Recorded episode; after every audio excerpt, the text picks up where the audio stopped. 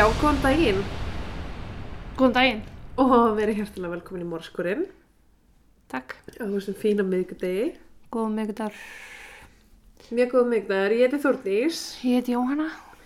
og ég held að það sé ekkert fyrir þetta. Ekki? Nei. Nei. Um, ég ætla þá bara að byrja þetta í dag.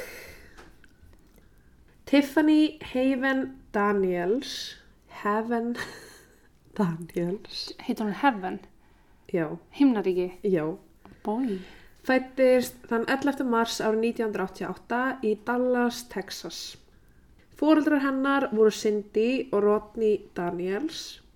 En þrátt fyrir að hún hafi fæðist í Texas þá flutti fjölskyldan í Pensacola í Flórida þar sem að þau byggu allt sitt líf. Tiffany, Rodney, Sandy, Cindy. Cindy. Já, frumleg fjölskyldan. Tiffany var ástriðufull og kom vel fram við alla. Hún var mjög svona free-spirited Já. manneskja. Með góðan húmor og bara skoðanir annara skiptana engum máli. Áhugamálin hennar voru bara útivist, hjóla, syndi sjónum, fjallgöngur, brimbretti. Veist, það var bara svona allt sem að tengdist í að vera úti og bara einhver afþreying að gera eitthvað. Svona svo við. Alveg eins og við. En síðast en ekki síðst þá hafði hún mestan áhuga á list og þá sérstaklega mála málverk og var bara að tala um vera mjög listræn. Hún átti það til að vera mjög kvatvís og gætt breytt plönum á 0-1 til að fara að gera eitthvað allt annað. Þeir þú líka svona ískur? Nei, ok. Það er svo vitið. Já, ég held að. Það var í mentaskóla sem hún byrjaði að fá alvöru áhuga á því að mála og langaði að gera það atvinnu. Hún endaði á því að útskrifast og var henni búið námstyrkur frá ótal skólum sem að vildi fá hana til sín í listnám. En eitt annað sem hún elskaði var að dansa. Hún og vinir hennar hittust reglulega, færði all húsgögg til og dansuðu í marga tíma.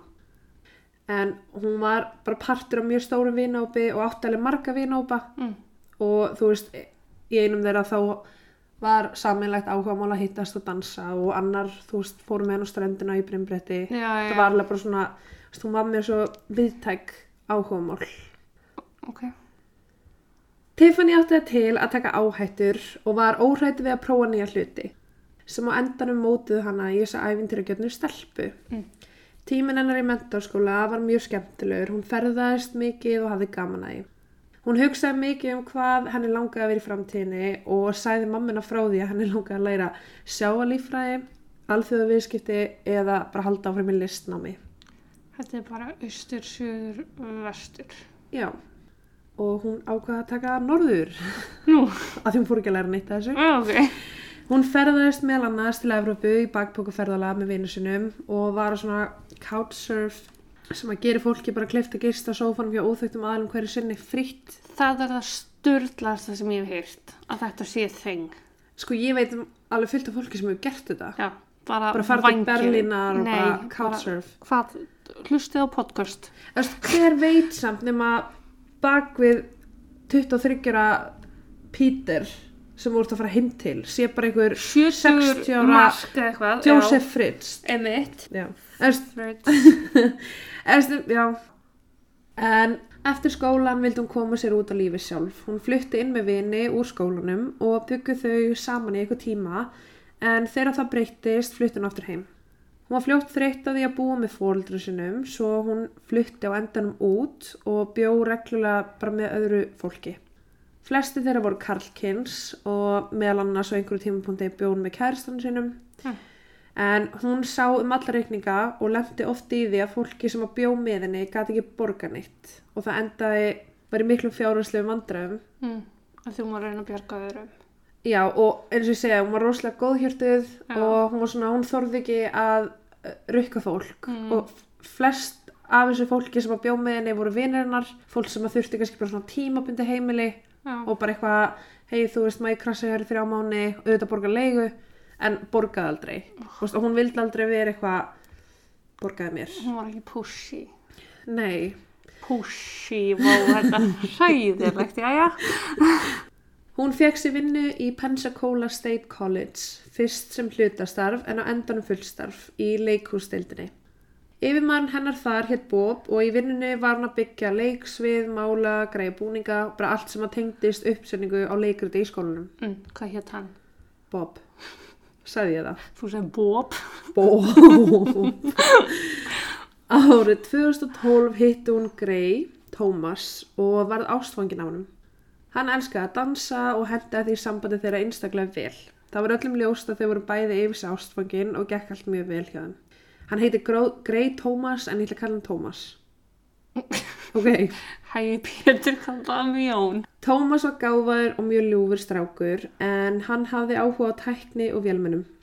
Allt leit út fyrir að vera fullkomi hjá henni. Uh, hún var í skemmtilegri vinnu, hún var yfir sig ástfangin en líðan fólks er ekkit alltaf sjáanlega utanfrá. Nei. Og bara eins og ég sagði á þann, þá var Tiffany bara með samúð fyrir fólki. Leigan og reikningarnir endu oftar en ekki á henni. Hún voru að ströggla svolítið mikið þegar koma peningum. Uh, Þegar síðastu meðlegandinn hennar flutti út ákvað hún að leita einhverjum utan að komandi aðila sem hún þekkti ekki og setti upp auðlýsingu á Craigslist. 54 ára Gary Nichols, hann svaraði auðlýsingunni en hann var fadir vinkonannar sem að hétt Noel. Noel. Hann hafði nýverið skilið og vantaði samastað en Tiffany fannst það frábær hugmynd því hún vissi að hann myndi borga reikninga og þeir eru ekkert vesen í kringum fjárhæn. Fjölskylda hennar fannst þetta hins vegar ekki jafnsniðu hugmynd og fannst þetta eiginlega bara óvegandi að maður á þessum aldri myndi vilja flytja inn til hennar. En þeim fannst líka bara að uh, þau vildi ekki að henni liði eins og hún byggi ennþá með fólksunum. Sko, pappi minn myndi fara að búa með þér, þólskarinn. Það væri ógæðislega væri, ég myndi henda hann út sjálf. Veist, ok, ekki dæma fólk sem er kannski einn stöðu en ég geti aldrei búið með pappa þínum. Nei, ég bara get aldrei búið með pappa þínum. Með fullri verðingu fyrir pappa þínum. Einmitt. En þetta var allan að svo og hlutir gengur vel, reikningar og leigan var alltaf greið tímalega og þau áttu bæði mikið sammeilegt. Bara, ok, þegar ég segi mikið, þá fannst þess bara garðirkja og að hjóla. Hún og Tómas höfðu verið saman í eitt ár og eitt áfallið hrundi á Tiffany þegar hann fekk ingöngu í Robotics program í University of Texas. Tiffany elskaði bara staðinn sem hún bjó en hún elskaði líka Tómas og vildi ekki vera ánans svo hún átti erfiða ákveðnum framöndan. Hann baði hann um að koma með sér og hún íhugaði það þar sem að Austin, staður sem hann átti að flytja til var sérst bara staður með mikla list og hún myndi passa fullkomlega þarna inn. Hún talaði við fjölskyld og vini en á endanum ákvað hún að prófa fjarsamband og vera eftir. Vinir hennar sögðu að það væri mjög ólíkt henni en hún elskaði að ferðast, prófa framöndi staði og þetta var fullkomið tækifæri fyrir hana. Það var ekkert sem beigðinar í Pensacola. Nei, það Þú meika veist- ekki sensverðin að vera þar. Nei, ef, já, það var ekkert sem hún var först við. Nei, hún hefði alveg getað farið og hefði allar burði til Hún að fara. vel geta farið, sko. Þetta brauti henni hjartað og þau rættu fram til sambandsins en bæ, voru bæði sammála um að prófa fjarsamband og skiptast á að ferðast milli hvers annars. Hann átti að fara sunnudaginn 11. ágúst árið 2013. Þá eru þau 25 ára gömul. Hann vildi alls ekki fara hans að kveðja svo hún bauð honum morgumat og þau bara spjöldluðu saman. Tómas reyndi enn einu sinni að fá hana til að koma með sér en hún sagði standa först á sínu. Þau kvöttu hvort annað og hann hjælt á stað í ferðalagi sitt. Hún var leið og langaði að eyða meiri tíma með honum en vissu þó innst inni að þetta voru ekkert endalokk. Hún ætlaði bara að byrja að samla sér pening til að geta að fara heimsóttan sem fyrst. já. Tiffany var með plön fyrir kvöldið en hún hafði verið að vinna að sviðinu fyrir nýja leiksinningu í skólanum. Hvort sem henni fannst það nöðsynlegt á sunnudagskvöldi eða hvort það hafi verið til að dreifa hugunum er ekki vitað. Nei. En hún ætlaði sér að horfa á Monty Python Monty Python. oh! Eða Monty Python, annarkvört. Monty Python of the Holy Grail sem að er sérst myndin sem að leikrita var byggð á. Já. Og Gary horfði á myndina með henni og svo sögðu bara góða nóttu hvort annað og fóru að sofa. Já. Þetta er sami dagur og hann fer. Tiffany var algjör bímanniska og þótti ekkert leiðilega en að vakna að stemma á mótana. Tengi. Það er hann að segði meðal annars frá því að ef hún átti að vera mætti eitthvað stæður klokkan 7 þá myndi hún vakna klokkan 5 í og hlaup út. Uh, Herbyggisfélagi hennar vaknaði við skrítin hljóð millir 3 og 5 aðfarn á 12. ágúst. Hann sagði að það hefði verið eins og útidurahurðin væri að opnast og lokast nokkur sinnum. En spáði þó lítið í það og fór aftur að sofa. Hann vaknaði um morgunin og var að fara að vinna en hann tók eftir því að bílinn hennar, grá 99 Toyota 4Runner, var ekki fyrir utan og hún væri því farin í vinnuna. Hún mætti á vaktinu sína og ekkert óvunlegt átt sér stað. Annað en að þegar að leið á vaktina bað hún yfirmann sinn, Bob, hvort hún mætti fara að snemma heim úr vinnunni og sagði að hún hefði einhverja hluti til að hugsa um og hún myndi líklegast þurfa að taka sér frí restina af vikunni. En sagði ekkert hvers vegna. Ok. Bara er í lagi að fara heim núna og svo sé ég bara aftur eftir viku á mándaginn. Þú veist, ég þarf eitthvað, gera eitthvað. Já. Hún fór úr vinnunni um 4.43 á slæginu. Hún fór í bíli sinn og kerði burt. Um tíu leitið um kvöldið var Gary heima og hafði ekki séð hann í heyrtiðinni. Það var svo sem ekkert óvinnilegt en það lifðu þau sikkur lífinu en með tímanum sem leið byrjaði hann að velta fyrir sér hvers vegna Tiffany væri ekki komin heim. Þú veist, var alltaf bara vun að koma heim og hún sér að borða og eitthvað. Hann ringdi í hana en hún svaraði ekki og held því áfram í eitthvað tíma þar til hann ákveða að ringja í dóttur sinna og sagði henni að hann væri orðin ágifillur. Noel, dóttur hans, sagði að hún væri fullarinn kona og að hann ætti ekki að spá í henni. Að hún hefði líklegast bara að fara að djamma eða gert eitthvað skemmtilegt. Já. Hún sagði honum að bara stelpur þessum aldrei hann ekki alltaf að hanga með gömlum kallin eins og honum og þau, þau hlóðu bara á kvöldust. Og hann var bara eitthvað, já það er okkur rétt. Já. Ég veit ekki hvað ég er að Kannski spá í meira þessu. svona pappin í honum pæla í sig heldur en Já. Hann byrjaði þá bara að hafa sér til fyrir svefnin og fór að sofa svo að hugsa eitthvað meira út í þetta. Hann vaknaði daginn eftir og tók eftir því að hún hefði ekkert komið heim um nóttina. Ringir í hann á ný en hún svarar ekki. Hann reynir að taka þessum ummælum frá dóttur sinni og láta hann í friði svo hann fer bara í vinnuna og spáir lítið í þessu. Þegar hann kemur heim eftir vinnu tók hann eftir því að rafmagnið var farið af. Hann gerði ráð fyrir því að Tiffany hafi glemt að borga reikningin sem var þá mjög óvinnulegt af henni. Hann ringir aftur í dóttur sinna og segir henni frá því að Tiffany hafi ekkert látið sjá sig. Þarna er komin miðvíkudagur, tveimur dögum eftir hún sá síðast yfirgefa vinnuna sína. En á þessum tíma byður hann Noel um að heyra í fjölskyldun hennar og aðtöga hvort hún geti verið þar. Nokkri dagar líða frá því að Gary tekur eftir einhverju óvinnilum þar til að Noel, dóttir hans, ringir í móðurinnar Tiffany, Cindy. Nokkri dagar. Já. En hún, sérst, Noel heyri fyrst í henni á sunnudeginum 17. ágúst. 13. ágúst fyrir kærastinn, Vika. hún fyrir vinnuna Já. daginn eftir, sérst, 14. ágúst og hún er ekki búin að sjá síðan þá. Já. Þannig að, já, það er raun búin að líða vika. En það er ekkert vita af hverju Noel hringdi ekki strax í fjölskylduna, en veist, það er bara gert ráð fyrir því að hún hefði verið bara haldið að pappi sinni var afskipta samur Já. og hún vildi ekkert vera koma með einhverja áhyggjur til fjölskyldunar þú Að veist eitthvað, hei pappi hérna eitthvað, æjá Já. en Cindy móðurnar fekk sér skilabóð á Facebook frá Noel sem að sagði henni frá því að fadir hennar var að leia með Tiffany og enginn hafi hýrt í henni síðan á mándaginn síðastliðin Cindy ákveði þá að ringi hana og telur að hún hafi bara glemt að láta vita sér en enginn svarar. Þeir byrja að ringi vininnar senda skilabóðu gegnum Facebook og taka fljó, fljótlega eftir því að enginn hefur heyrt í henni og það er enginn sem veit hvað hann er þannig að þú veist að er einhvern veginn allir bara eitthvað já er hann ekki með þessum? Eða já ok ég held hún sé með þessum. Já, þú veist að allir bara eitthvað ó enginn hefur heyrt í í viku en það þótt ekkert óvunlegt þarna. Nei. þegar það var ljóst að hún var ekki með einu vinn sinum heyri Cindy í vinnun hennar og talar við Bob. Hann sagði henni frá því að hún hafi beðið um frí út vikuna og ætlaði sér að mæta aftur um mándaginn eftir viku Bob var því síðasti maðurinn til að sjá hana en það var aldrei tekin einn almennleg skýsla af honum og hann gæti valla svaraði í hverju hún var þegar hún sá síðast. Já, sem er svona ok, en að ég veit ekki, þú veist, þú ert kannski í vinnunni og einhver hleypur út og bara eitthvað bæjó, ertu eitthvað að spá í hvernig fólk er klætt. Nei, ég var að reyna að muni hvað þú varst í síðast ég var hana. Ég get ekki munið að sko hvað við ykkur síðan. Nákvæmlega. Þannig, ég, ég, ég skil þetta alveg. já, já. já. En það sem ég skil ekki er að Bob, hann var sérst, ástæðan fyrir því að Tiffany ákveða að flytja ekki með Tómasi uh, en hann hafði sagt henni frá því að Austin væri ekki staður fyrir listamenn og hún ætti að halda sig í Pensacola þar sem hann gæti hjálpað henni að selja málverki sín. Ok. Austin er akkurat anstæðan við það sem Bob sagði og það skilur enginn hvers vegna hann var að segja þetta við hana.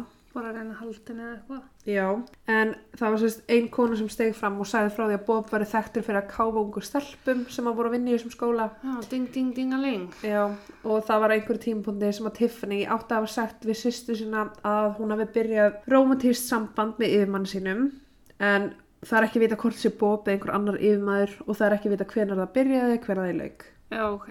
Þetta var einhver samtal sem hún átti að hafa átt við sýstu sína og þær fóru ekkert mjög náið út í Vei. það.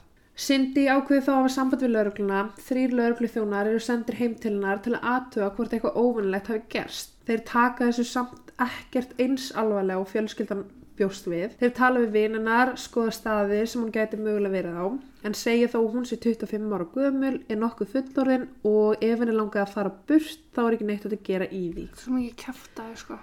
Já, Eðast, ég meina að leita allan af henni og ef hún er einhvers staðar á Grænlandi að lifa góðu lífi þá segir hún bara takk fyrir þjónustunum og bless. Já, þú veist bara að leifa henni að njóta vamans, eða þú veist. Já. Cindy fær símtal frá Gary sem segir henni frá því að hann sé mjög ávikið og að það sé ekki búið að borga reikningin að rafmagninu. Hún ákveði því að fara til hans, eða fara á hittan og borga reikningin fyrir Tiffany og plana þau að hittast á sunnudeginum á Starbucks klukkan 8. Mm. Þannig er sérst sama kvöld og hún er búin að já, já. Henni fannst hegðun hans vera mjög skrítin. Hann sæði meðal hans við hana, hafa þau náð einhverjum. Eða did they catch anyone? Sem að, Hverju gengur hann út frá því að það þurfa að já, þú veist, það er ekki búið að segja þetta eitthvað sagnum á þessu stað.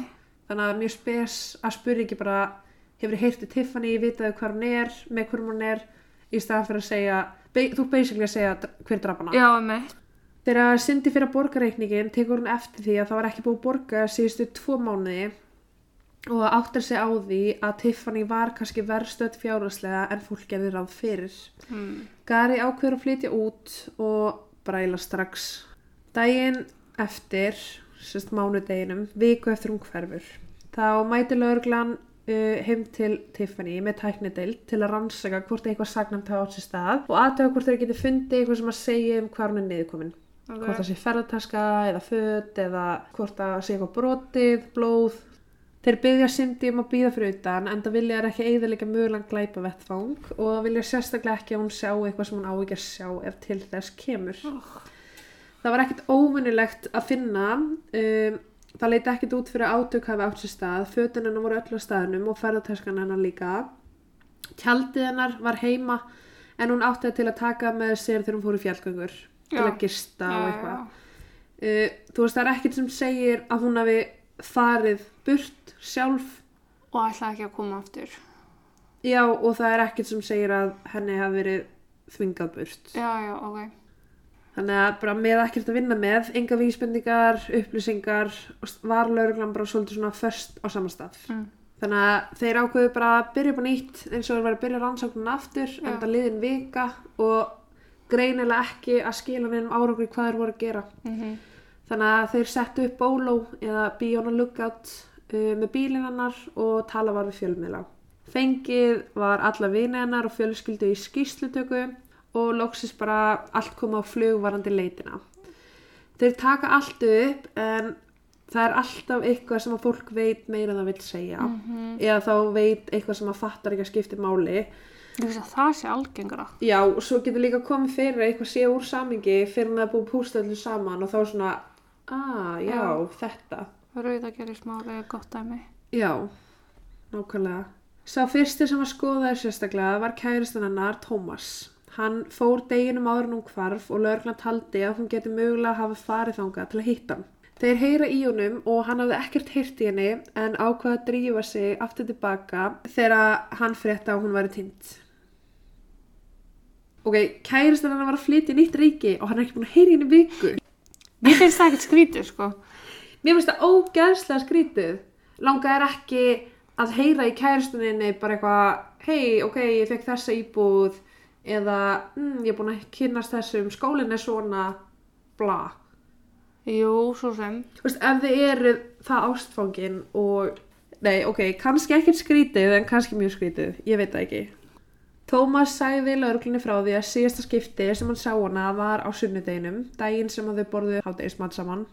Hann veit ekki hvar hún getur verið niðurkomin en hann vildi Ólmur hjálpa við leitina og var því beðin um að fara og gefa fingrafjör og DNA upp á lauruglustöðinni í Texas, Austin, sem hann gerir. Já, já. Hann sagði að síðasta skipti sem hann talaði við hana var á sunnudeginum en skoða voru símagögnin hans og var hann ekki á svæðinu daginn sem hún hvarf. Ok. Það útilokar hann samt ekki en það getur vel verið að hann hafi skilið síma sinn eftir og komið tilbaka án hans. En það er náttúrulega allt mögulegt.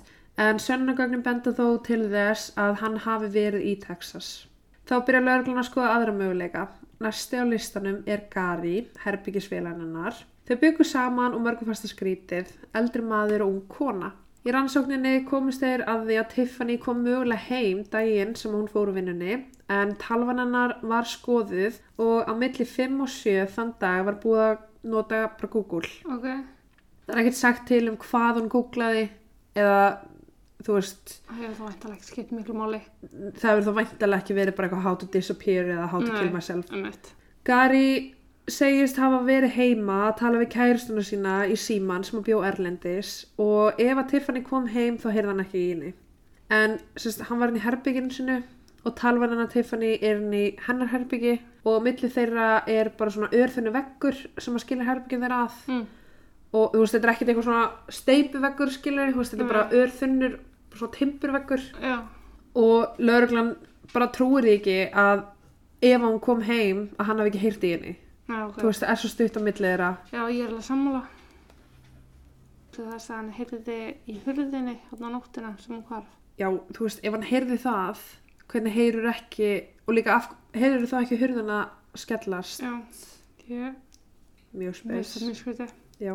E, það var einnig gat úr fataskápnum hennar inn í herbyggja hans en sérst, fataskápurinn er svona inn í vegnum Já, og þar, sérst, bakið á fataskápnum hennar já. var bara veggurinn inn til hans en það var gatar, þú veist, það hafði eitthvað gerst einhvern tímann fyrir löngu Ég vil vita hvað kom fyrir. ég það verið áður en að þau flytt inn Já, ok. þú veist, eitthvað þannig dæmi en þú gast auðvitað að kasta boltaðan á, á milli, Ah. þannig að þú veist Hann að ennþá meir líkur að það heyrist ef þú ert heima í öðru samtali við lauruglu sagðist hann ekki hafa verið heima á þessu tíma og lauruglan var bara ekkert viss hvað hann eigi að halda og byður, byður hann bara um að gefa fingrafinu sín og DNA Mm. sem hann gerir en þeir geta ekki útilokaðan og þeir geta heldur ekki Fundis að hann sé segur. Nei, þú Um veist, þeir geta ekkert gert þannig að þeir bara eitthvað, herra ok, flott, bara DNA, fingraför, heyrum við þér. Já, ok. Með bæði Tómas og Gary útilokaðan fyrir lauruglan yfir næsta aðila sem að var undir ákveðnum grun en það var mjög ólíkt henni að ef hún hefði farið í ferðalag að aðtöða ekki síma sinni að nota kortin sín. Þú veist, hvað, hún ekki að kaupa mat eða? Hún hefði sagt við Bob áður en hún fór að hún væri að vera bensinlaus en ekkert segi til um það að hún hefði tekið bensin eftir vinnu á bílunum sínum. Það var þá skoða möguleikan á því að hún hefði fram með sjálfsmorð. Tómas var fluttu burt, hún var í miklu fjárhanslegum vandræðum og hennar sögðu að hlutur hef, hefðu breyst. Hún var ekki lengur að hafa jafn mikið samband við vinu sína eins og hún gerði en það var hennar helsta áhugamál Já. að bara fara og dansa með vinu sinum, gera eitthvað. Það var einn engin sem að trúði því að hún hafi virkilega framið sjálfsmorð og sagði móðurinnar að ef hún hefði verið í svona slæmum vandræðum með peninga Mm. Þá hefði hún haft samband við fjölskylduna eða sagt einhverjum frá því Já, ok. og ef henni leiði svona illa með að Tómas væri fluttur þá hefði hún bara flutt með honum eða farið til hans Já, það var ekkert að stoppa hana þannig Nei. sé Ringt var alltaf spítala til að aðtöða hvort hún lægi þar einhvers staðar, settar voru upp myndir af henni með upplýsingum og bara enn var verið að leita bílnum en hún hafði sérst tekið með þessi daginn sem hún hvarf. Þriði daginn 20. ágúst, 8 dögum eftir hún sá síðast, fekk lögurlega símtal um að bílinn hennar var í fundin. Vinkuna sýsturnar var að hjóla í bænum og tóka eftir því að bílinn stóð auður á bílastæði hjá Fort Pickens ströndinni sem er ekki langt frá heimilin hennar. Og það var svona staður sem hún notaði mikið. já, ok. Það með ekki alveg sens að bílum var þar. Já. Cindy fór þangað þrátt fyrir að búið var að byggja hann um að gera það ekki en það bara á ekki full móðir sem að vilja aðtöga hvort dótt sín geti verið á staðnum. Hún kemur á bílnum en passa sig að snerta hann ekki en það vildi hún ekki eiginlega neitt svona Nei, gögn ok, eða fingrafur. Ég hefði örgulega rífið upp hurðina. Ég þurfi að rifja upp hurðina líka Já. sko. Hún kíkir inn á sér flösku með vatni, krukku af netusmjöri, föt, veski og snjalltölvu. Hjólið hennar er svo í aftursætinu. Síminn hennar var einni í bílnum en hún var ekki með svona venjulegan snjallsíma, heldur bara svona bókstala Nokia hana. 350 eða hvað heitir já. já. Þú veist, Hún þurfti líka að fylla á hann kredit, Frelsi. já. Já. hún ert að fylla inneitt á Mm. nostalgía Já. en þegar var hringt í hana og ef hún átti ekki mínútur inni Já. þá fór símtali bara beint í talvf Já. og þú veist, hún þurfti náttúrulega líka eiga pening til að taka móti símtölum Ok. en þeir sem skoðuðu símanannar og tóku eftir því að hún átti ekki neina mínútur í nokkra daga áður hún hvarf og gátu því ekki rekið að hvar hún hefði verið einhverja daga áður Já, æ, ok. þannig að þetta útskýri kannski hvers vegna hún og kærastinn voru ekki búin að hafa samband við hvort annað Já, true. Já. hún var ekki búin að, já, hún var ekki búin að borga rafmagnið, átti kannski bara ekki pening. Eftir að þeir skoða þessi kring leta þeir færa bílinn á lauruglustöðuna og tæknideildin tók við. Og meðan þetta gerðist voru laurugluþjónar sendir á svæði til að byggja fólk vinsalegast um að fara ekki á ströndina en það voru þeir ekki vissir um hvað, væri, hvað þeir væri að vinna með. Hvort það var bara glæpa vettvangur. Ég veist, þú voru ekkert vissu hvort hún lægi bara eitthvað starfna. Ó, já, shit, ok. Þeir bankuðu upp á fólkinu sem býr á svæðinu, það var bara enginn sem að sá neitt, enginn sem að hyrði neitt. Um, þú veist, en það var sumar og það var ekkert óvinnilegt að fólk væri að fara á ströndina. Nei, Og þú veist, bílinn hennar var bara eins og hver annar bíl. Og það gæti enginn sagt til um það hvað dag hann kom þákað eða hver hefði verið í bílnum. Þú veist, Þetta er svo nautalsvík á Íslandi á sumlun, pluss þúsund manns. já. En þú veist, þetta er ekki svo að fara á áltanu ströndina, þú veist, það fyrir ekki þangað til að tana Nei, skilur Nokkur vitni komið fram og sögðu frá því að bílinn var þarna í nokkra daga og aðri sögðu að hann hefði verið hann í viku eða meira. Þetta er svona svona að vilja allir láta eins og þeir hafi séð eitthvað og vita eitthvað og vera partur af málinu. já. Cindy og hennar Tiffany fóru á svæðið og settu myndir af henni þar ásamt því að ganga um og spurjast fyrir hvort einhverju tekið eftir einhverju óvannilegu. Það var ekkert á svæðinu í kring nýja á ströndinni sem hægt var að tengja við Tiffany. Það voru þá nokkra vísbendingar en í fyrsta lagi lauruglan fann fingrafar á handfangin á bílnum og á stýrinu og það passar ekki við neitt sem að þeir hafa fengið fingrafur hjá í gegnum rannsóknuna. Ok, Þannig að það gæti verið möguleg gerandi eða bara vinur sem að fekk eitthvað að nota bílinn hennar. var búið að taka öll önnu fingraför, var eins og það var búið að þurka fingraförin eða voru þetta bara fingraför sem make ekki sens? Þetta var bara fingraför sem meika ekki sens. Ok, ok, ok. Þú veist, hennar fundurst það líka Já, þarna, en þetta er bara svona eina sem að stóð mikið út úr. já, skilji, ok.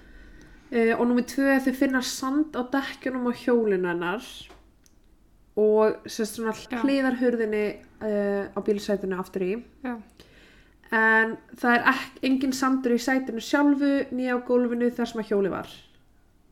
ok, Þannig að það er því ljóst að hún var ekki að hjóla í sandinum þennan dag. nei, Það var bara svona gamall harður sandur sem hann fastu við. já, já, Og hinn sandurinn sem hann fannst var bara eitthvað svona, ok, þetta hefur verið frá því síðast, hún setti hjóli sett inn þá Já. dotti hérna á hliðina. En ef hún hefði verið að hjóla þarna þennan dag, Já. þá hefði verið sandur. í sætinu líka.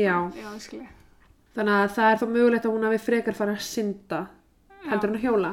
En hún var náttúrulega ekki með brimbretti með sér, þannig að hún fór ekki Á sarfaðan Já. eftir mig, ok. Skoða var myndalekerfi á brúnni sem var þarna hjá, þar sem bílinn hann fannst. En kerfi er ekki eins og venjulegt myndalekerfi heldur tekuð einingis upp bílnúmararplötur og merkir einn tímasetningu sem bílinn átti leið hjá. Mm. Þess vegna var ekkert að sjá hver var raunverulega að keira bílinn hennar eða hvort einhver annar hafi verið með henni eða hvort þetta hafi verið hún yfir höfuð. Já, akkurat. Bílinn hennar fór þangað kl. 7.51 á mánudeginum, daginn sem hún hvarf. Þannig að það meikar alveg sens að hún gæti Ná, mögulega að fara já. heim að googla eitthvað. Ljóst var þó að bílinn var búin að vera þarna síðan þá. Þannig að, Óhrifður bara. já, Ok, ef hún var að reyna að stinga af, þá hefði hún mæntilega að tekja bílinn með sér. ég hafði haldið það, já. Já.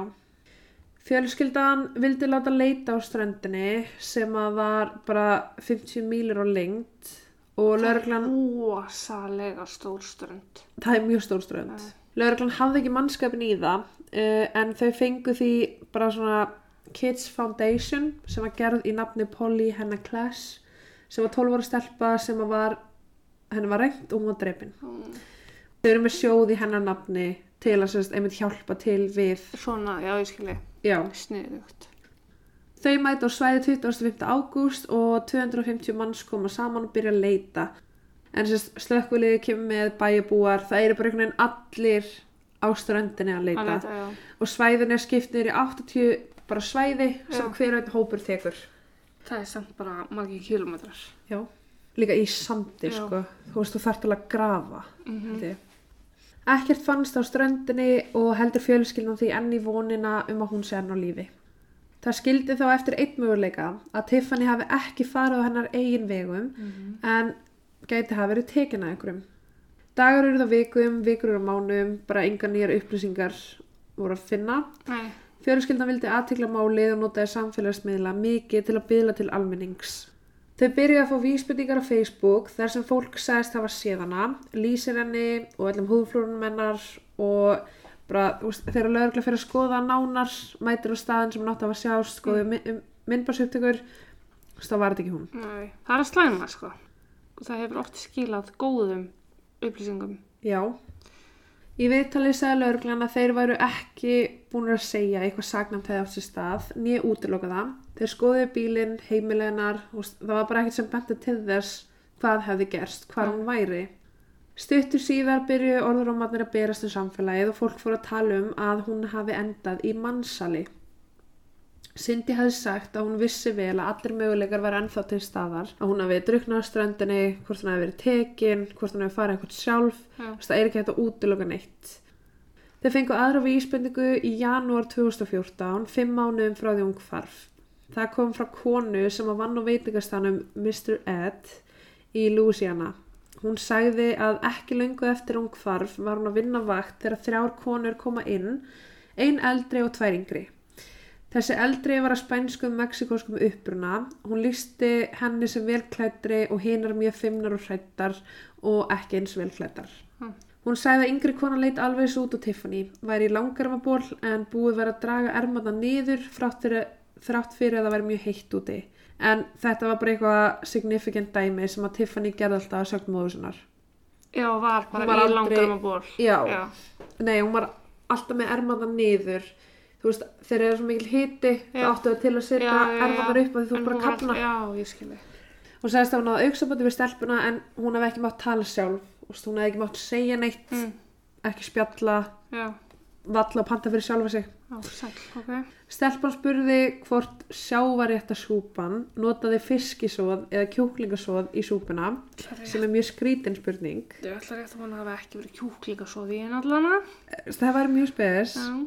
En mamminar manna eftir skipti þar sem að þær fór saman út að borða og að hún hafi spurt það í sama. Og þær hefur bara hleyið mikið að þessu og hún hefði hleyið mikið að dótsinni. Og hún hefði verið bara, Tiffany heldur í alvörunni að það sé kjúklingasóð. Þjónustúlkan sagði að þegar hún hafi komið með matin og borðið hafi eldri konan beðið um takeaway ílát og þær hefði bara farið strax á hans að borða eitt bita á stanum. Lörgla fór þangað til að tala við konuna og skoða eftirleysmyndalar en þær voru búnar. Já, þú, þú veist, svona vel að taka upp tvær vikur Já, og þetta eru fimm mánir. Já, um eitt. Það ætti að vera einhver lög um þetta, sko. Haldur sér lengur en Já, tvær vikur. þú veist bara eins og með bókald, sko. Já, Þú veist, það veist bara stækka minna á þessu kerfum og já, bara einhvað, þannig að það sé hægt að reyka tilbaka til dæmis svona, Já. skilur. Nákvæmlega. Á þessum tíma var Flórida þriðja hæðsta ríki í bandaríkjanum með mannsal.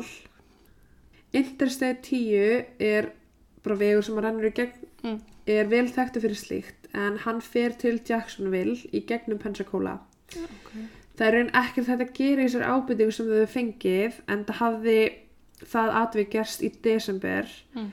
og lauruglan var ekki látin vita af þessu fyrir í janúar. Já, Önnur kona kom fram og sagðist að það var síðan í Alabama að klífa fjall og bara svona gekk þetta í mörg ár. mörg ár, sérst ekki fundir en þá. Kanski, kannski ekki. Mm. Mm. Árið 2015, einu ári og fimm mánuðum frá því hún hvarf, fekk Cindy í skilaboð. Kona að nafni Tammy Shull sagði henni frá því að kæristan hennar hafi viðkjönd af að drepi Tiffany. Og fyrir 3000 dollara myndi hún gefa henni upptökuð með játningu og að leiða hana að líkinu. Mjög mikið skamlykt af þessu. e, já og Cindy hugsaði bara á sama þannig að hún sérst baðum að fá part af upptökunni til staðfestingar Já, og var þetta játning af YouTube þar sem að lögreglum er draf kæristunum sína ég vil geta fólk vera ógeðslega heimst. það er líka bara það. en þú veist eins og þetta Epitalan var rekin Mm. til Rússlands og þess að lögreglan ekki gert neitt bara út af Ah. lögsugunni og en þú veist því ég held að sé rosalega mikið að fólk að gera svona Pottjett, sko. sérstaklega við, þú veist, syrgjandi fór æ, Já. Hvað? syrgjandi fóreldrar Já. Í ágúst árið 2015, tveimur árum eftir hvarfið, kom fjölskylda og vinir saman og voru sérst með svona kertatömm. En það var ekki til að minnast hennar, heldur til að sína henni ást og leiða hana heim. Ég má ekki heyra svona. Það er svo oft gert svona kveikt og kerti. Kertafleiting og eitthvað. Já, líka bara kveikt og kerti fyrir utan húsi til að leiða heim Já. þegar fólk hverfur. Í óttobur sama ár voru nýju manns handteknir á vegum FBI í svona sting operation Já. út af mannsali. Það voru aðilar í Santa Rosa Beach, Pensacola, Mississippi og Alabama. En þetta var ekki fyrsta skipti frá því að Tiffany hvarf sem að svona samtök voru börstuð því í janúar 2014 voru einni 51 aðilar handteknir fyrir samagrunn. Lögreglan hjælt blaðamannafund og sögðu að þeir var að leita karlmanni sem sást í kringu bílinn hennar dagana sem hún hvarf. Þetta var ein vísbending sem að lögreglan hefði fengið en þau gátt ekkert gert í henni svo þeir ákveðu að leita til almennings. Mm. Þegar minningaratöfun var haldinn og fjalla var um hana þá kom vikni fram sem sagðist hafa séð mannin að hann var í hvítur milli 35 til 40 ára og í rauðum stuttbuxum en ber ofan. Hún sagðist hafa séðan þannig 19. ágúst viku eftir að Tiffany hvarf og tók vel eftir honum því að bíllinn snýri frá götunni sem að var hana og henni fannst þess að maðurinn hafi verið að loka skottinu og mögulega hrista hangklæði hjá bílnum. Ok. Um, ekki tókst hafa upp á manninum sem að líst var eftir, svo bara gerist ekki neitt. Já. Fullt af vísbendingu kom inn á borð lögreglu en það voru engar haldbærar sem að hægt vera útilokaði að tengja beint við hana. Árið 2017 var í fyrsta skipti sem að Cindy fekk bílinn hennar tilbaka en hann hafði verið á tæknidildinni síðan hann fannst, síðan 2013. Hún ákvað því að skoða hann sjálf en tók eftir nokkur skrýtum hlutum. Hjólið hennar var í nokkrum pörtum, það var nokkur málverk inn í bílinum en hún tók aldrei neitt með sér nema tengdist vinnunni sem í þessu tilfelli gerði ekki. Já. Þetta voru hennar persónlegu málverk Já. og því fóru þau svona að hugsa hvort hún hafi mögulega verið að selja þau til að safna sér fyrir pening af því hún var, Já. gæti ekki eins og borga rafmagni. En til dagsins í dag er bara akkurat hér sem að máli endar. Þetta er bara síðasta sem hefur komið fram í málinu. Um, það er ekkert að finna neitt um að hún hafi verið að selja málverki sín. Uh, þú veist það er ekki búið að finna neitt sem að tengir hana eða þessa mannsalsgrúpur saman. Nei. Það er bara ekkert. Mm, Það eru sko, það eru nokkra kenningar um, sem hafa komið upp með hana eða með þetta mál og sko fyrsta kenningin er svo að Tiffany hafi bara verið mjög æfintryggjörn og átti það til bara að vera svona spontaneous Já. bara hvatvís og hún elskaði að ferðast hún elskaði að fara í fjallgöngur, gisti tjaldi og bara sem datt í hug Mm. fyrsta kenningin er þá að hún hefði bara látið sig hverfa hún hefði bara viljað byrja á nýtt án allra hvaðana sem voru lífin hennar Mm. hún skuldaði ótrúlega mikið pening hérstum var fluttið burt þú veist, kannski átti hún í ykkur sambandi með Bob, kannski ekki Ég hefði einhvern veginn haldið þá að hún myndi bara flytja til kærst síns og byrja nýtt líf þar með honum. já líka bara akkur þá að skilja bílinn eftir á Já, ströndinni fyrir utan það. eða þú veist, er það keirur þangað og lappar þaðan eða veist, Það- ekki keira lengra Jú, en þú veist, það er alveg til tilfelli um fólk sem að læta sér bara hverfa, skilju, þú veist, þetta er ekki, eitthvað- er fráleitt. nei, nei, nei, Þú veist, veist, þú veist þetta er er alveg til Mér finnst bara með, já, en hvernig, með hvaða pening ætlað þú að láta þig hverfa Já, vinkona? fyrir utan það. En mér finnst líka bara þegar það eru fleiri kenningar en að hún hafi látið sér hverja sjálf eða fyrirfæra sér, að þá er ástæð til að skoða það frekar heldur að stoppa á þeim tveim Já. kenningum. en það var líka, þú veist, að því að hún alltaf átti hann aðgangin að couchsurf. Já, hvort hún gæti mögulega að fara heim í tölvuna mm, skoða aðgangin sinn eða verið kannski að plana að gista hjá okkur um það er alltaf frítt. Já, en þú lifir ekkert að eilifu þannig. Um, en já, næsta kenningin er að hún hefur bara verið að kapna úr skuldum, átt aldrei pening, leið, við því að kæristinn hennar væri farin og það var bara ekkert sem að hylla hana lengur við að lifa og því hafa hún tekið sitt eigi líf með því að fara sjálfviljug í sjóin. Já, ég veit ekki hvað mér finnst þetta. Ég getur trúið að það verið slis að það er, ef hún finnst einhvern tímann í sjónum. Já. En, mm -mm, sjálfsmál, nei, sjálfsvík, nei. Nei. Þriðja kenningin er að hún hafi verið að synda á ströndinni og hafi bara óvart druknað. En það er, sérst, ok, það er, sérst, á þessu svæði þá er eitthvað svona, eitthvað svona eitt staður sem er hafströmmur Mm. sem að gæti verið og þú getur þá skólast út, Já. bara út á haf. En að öruleið til, hún var ótrúlega vön að vera. Já, Uh, hún ætti að þekkja áættunar við hvar hún syndir og það er bara að tala mjög ólíklegt að hún með svona mikla þekkingu á sjónum vita ekki hvar hafströmmurinn er og hvar áhættan getur skapast já, já. þannig að veist, En að samaskapi formúlu kappaksmenn hafa alveg dáið í formúlu Já. stöðsum, skilju. Þannig að þetta er svona, veist, þannig að þetta er rosalega mikið bara ok, vitum ekki 50-50 já, Næsta kenningin er að henni hafi verið rænt af einhverjum sem hún þekkt ekki eða einhverjum sem var búin að hafa auga á henni í einhver tíma. En þú veist, það var ekki til að staðfesta þetta. Hún kerði, mögulega kerði hún sjálf á ströndina, mögulega ekki. nei. Getur verið hún hafi verið að labba á ströndinu og einhver hafi bara tekið hann og gripið hann inn í bílinn sinn og farið.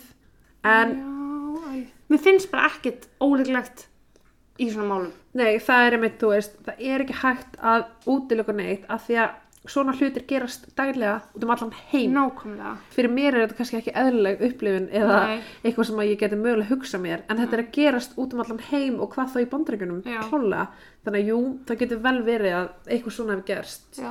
Þá mögulega hún hefur farið sérst, mannsal eða bara rænta einhverjum perraskilur, ég Já. veit það ekki Mannsalskenningin sko líka hérna að því, já, við sérst höfum tekið hana þátt upp áður og ég kynnti mér hans mannsal og ég gerði mér bara ekki neina grein fyrir því hversu vinsælt, vinsælt, hversu algengt Já, það er að fólk verður fyrir að vera rænt í Ó. mannsal. ótrúlega algeng Og ég bara gerði mér enga grein fyrir því sko. Nei og líka bara einhvern veginn ég held að við á okkar litlu eigu sem að, eða þú veist Við erum bara forréttanda pésar. já, og ég held að við áttum okkur ekki á því hvað mannsal í alvörunni er Nei. þú veist, bara til dæmis eins og ég sá TikTok, það er stelpa sem að var einhvern veginn seldi mannsal Já. og hún var einmitt að tala um það og það voru allir að segja bara eitthvað, þú veist hei, akkur lappar ekki bara burt, akkur mm fórst ekki? Akkur baðst ekki gæðinum að hjálpa þér? Akkur gerur ekki þetta, þetta, þetta? Að fólk áttir sig ekki á því að mikið af þessu fólki er búið að þú veist hóta fjölskyldu, mikið af þessu fólki er bara þú ert fastur. Já. Ef ykkur myndi hóta börnunum mínum eitthvað fyrir þögninu mína, ég myndi þegja sko. Já, uh, næsta kenning er sem sagt að hún var drepin. Annarkvært frá okkur um ókunnum. Eða Bob. Eða einhverju sem hún treysti Mm. og geta að hafa verið Bob, yfirmaðurinn sem var mögulega í rómantísku sambandi við hana um, var búin að segjast til að selja málverkinu fyrir hana og svo allt í henni er málverkinu hennar í bílnum Já. getur verið að hún hef aldrei sagst þurfa vikuna off Mm. því hann er eini maðurinn sem hún sagði það við ég þarf frí í viku getur verið að hann hefur bara sagt það til að kaupa sér tíma hann hefur kannski ætlaði að hitta hana til að selja málverkin hennar sem hún var allt með í bílnum sem hún var aldrei með í bílnum Heldur það. mér finnst Bob Bob vera líklegastur Já, mér, sko, já. af þessum kenningum sko Gary, Thomas nei Nei, nei, enga einn sko. Við að spesetta Gary hann hafi sagt Mér finnst sko, mér finnst Bob alveg líklegur en ástæðan okkur mér finnst mannsalega líklegra eða þú veist að einhver hefur tekið hana eða gert henni eitthvað slæmt sem að þekkt hana kannski ekki er að því hún var svo góð alla.